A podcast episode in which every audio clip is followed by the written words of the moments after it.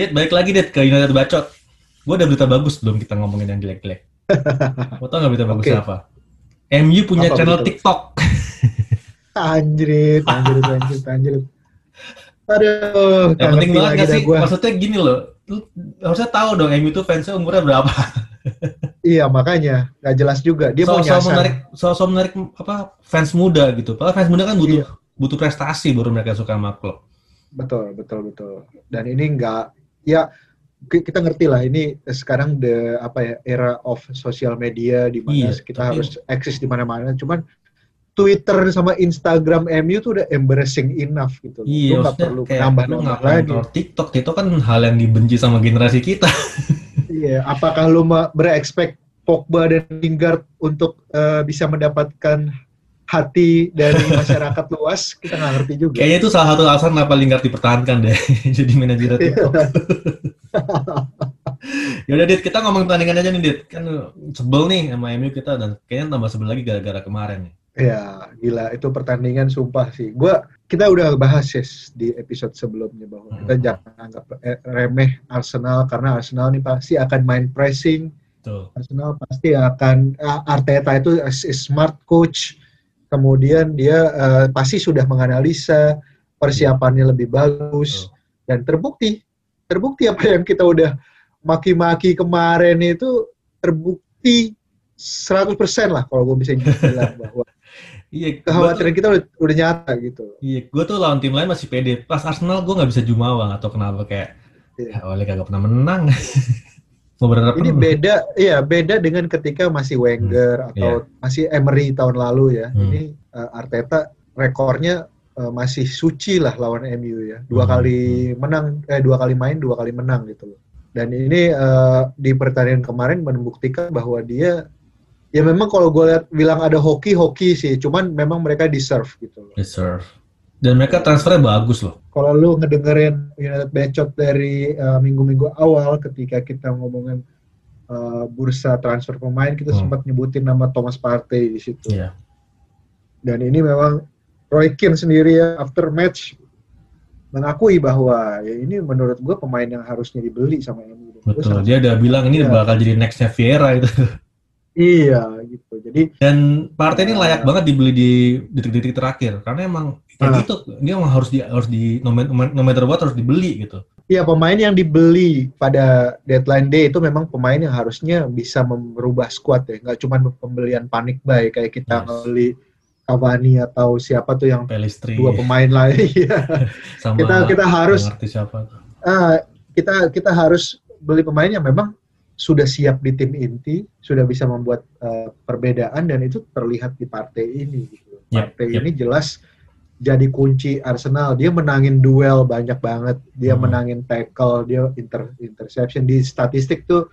Kalau lo follow eh, Opta atau Statsman Dave ya, itu Heeh. kelihatan banget kan eh, bahwa partai itu mendominasi lini tengah di pertandingan itu. Jadi Tapi ya, lucu juga sih ya. Partai ini kan si Hmm. Partai ini kan oleh scout-scout amatiran gitu kan di di sosial media kan udah dibilang ini pemain bagus, pemain bagus, tapi yang malah mendarat ke Arsenal bukan ke City, bukan ke ya itu karena pelatihnya, karena pelatihnya. Hmm. Gue lihat itu Arteta. atau Ini Arteta ya. eh, pem- pem- pembelian yang nge-push banget itu Arteta. Hmm. Beda lah sama Solskjaer gila lu. Ketika pertandingan kemarin Hmm. eh, MU lawan Arsenal, kalau Hmm. kita runut ya, di midweek itu MU sama Arsenal sama-sama bermain eh, di Liga eh, Champion dan Liga Eropa. Hmm. MU main home lawan RB Leip- RB eh, Leipzig. Leipzig. ya. Hmm. Ya kemudian si uh, Arsenal lawan Dundalk kalau nggak salah. Dundalk, Itu, Dundalk. uh, ya mungkin uh, lebih lebih enteng tapi tetap tetap aja sih kita harus fokusinnya ke liga. Kita di posisi berapa kita di liga sekarang? 14, 15, 14 ya, nggak ngerti. Iya, nggak ngerti. Dan lu ketika lu punya eyes on the match gitu loh, Arsenal, ya lu harus pinter-pinter lah ngerotasi pemain. Ini pemain-pemain MU kemarin itu dipasang semua men. Hmm. Itu eh, ketika MU lawan eh, Leipzig, 11 pemain eh, yang dipasang lawan Leipzig itu semuanya tampil ketika lawan Arsenal Yes. semuanya tampil. Either itu jadi pemain cadangan atau itu pemain starting line up. Itu main semua. Kecuali Martial ya. Tapi semuanya main. Kemudian ketika Arsenal lawan Dundalk, ini dari 11 pemain yang main itu cuman El Neni doang El Neni. Hmm. di, di di starting line up. Jadi kelihatan bahwa fokusnya Arteta itu udah ke match lawan MU. Betul. Bukan eh, si sementara si Solskjaer itu semuanya bahkan kayak eh, Fred itu main 90 menit full.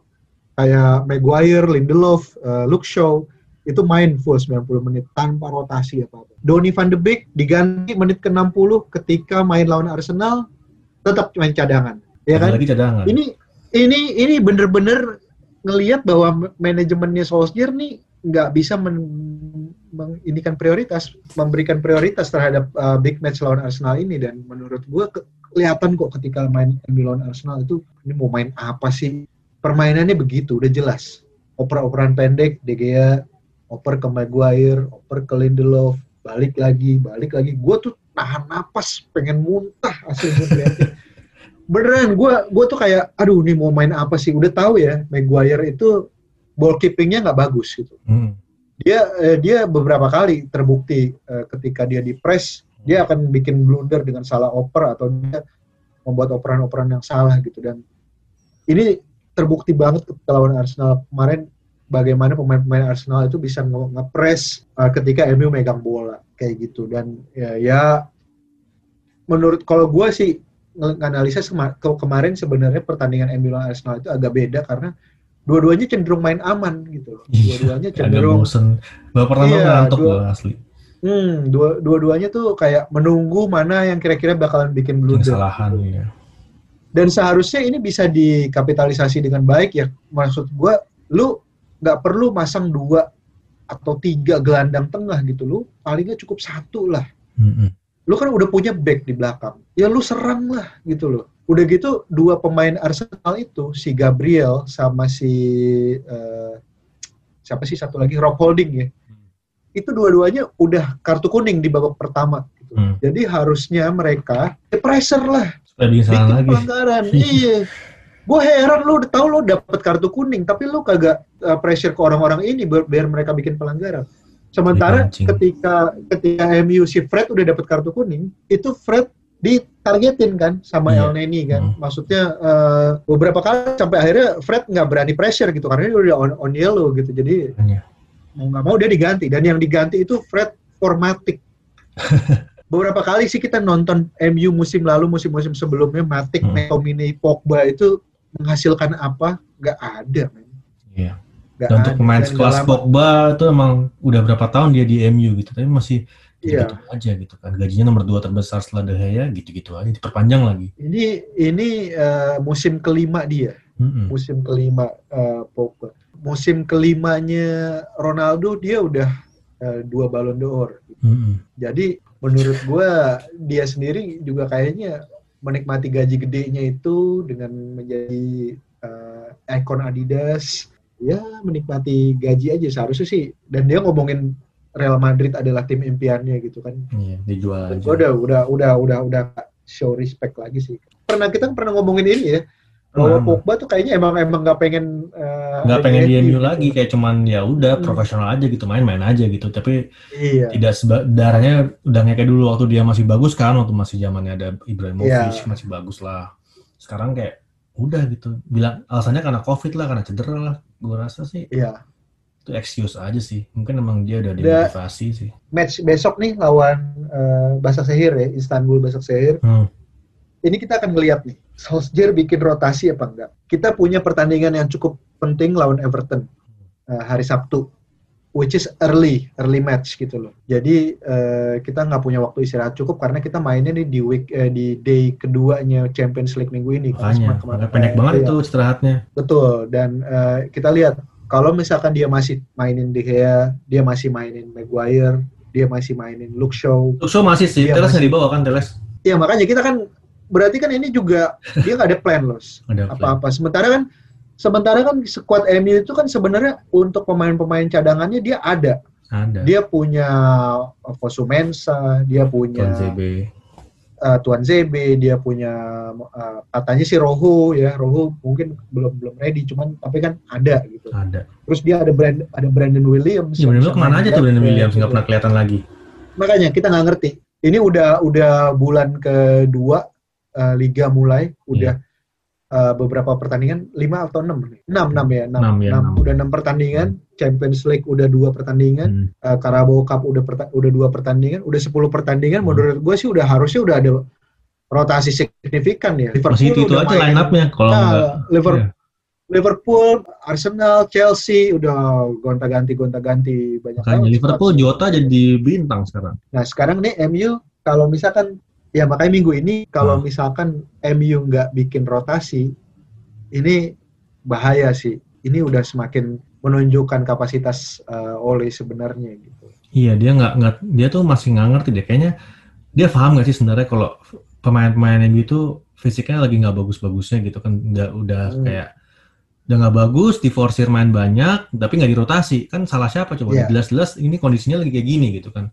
Dikit-dikit covid dikit-dikit covid gitu kan terus kalau misalnya Oh. pemainnya nggak dirotasi kakinya juga kopong lah Dan gue nggak ngerti ya fans-fans MU yang masih tim Ole in ya itu Hmm. mereka satu nonton apa enggak pertandingannya. Hmm.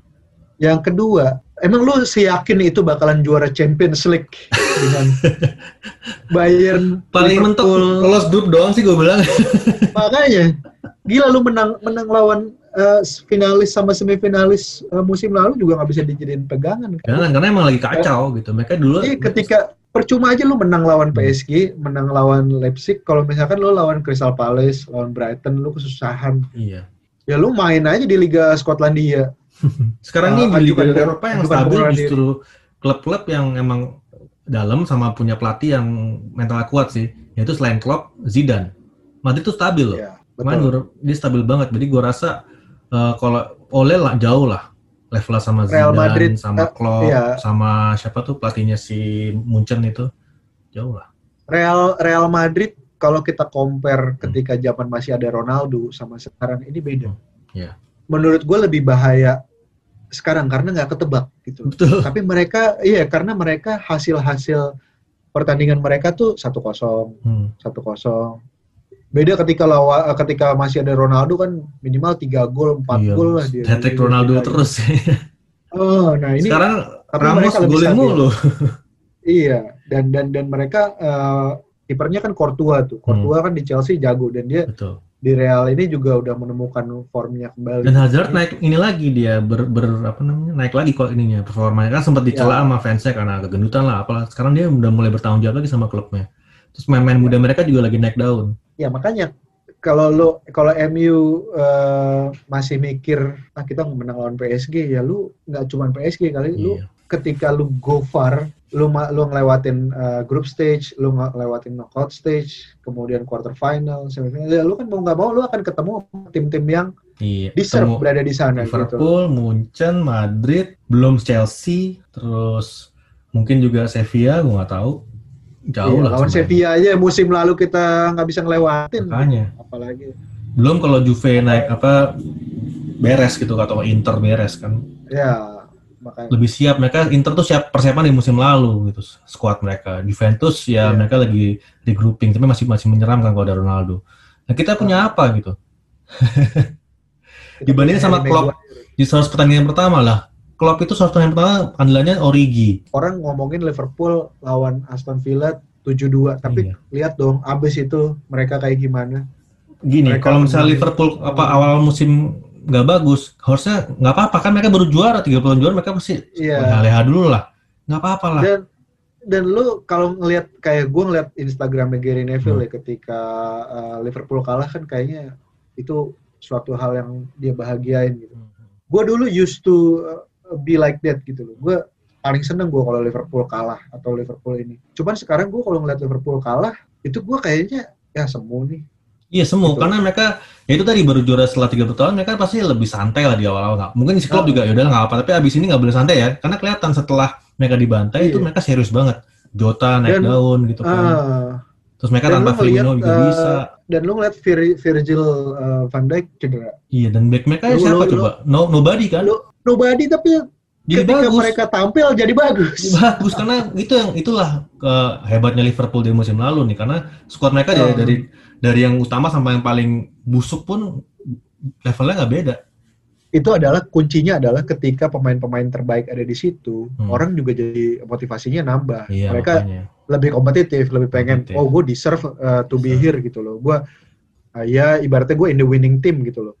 Ya sebenarnya situasi Liverpool sekarang nih kayak MU sekitar satu atau dua dekade lalu lah, ketika kayak waktu eh, MU pakai apa levelnya cuman kayak masukin Gibson aja masih bisa menang gitu kan. iya Darren Gibson sekarang di mana dia? Dia di Terus, sini di Stratford, eh sorry, di Salford. Salford, Iya, iya. bareng sama Kayak- James Wilson. Terus kayak si kita make Quinton Fortune Iya. dua dekade lalu, kita make eh, Silvestre, kita make eh, David May, kita make Henningberg. Menurut gue itu bukan pemain-pemain eh, world class ya, maksudnya Iya. pemain-pemain squad, tapi mereka ada di tim yang kompetitif, pemain-pemain terbaik pada saat itu.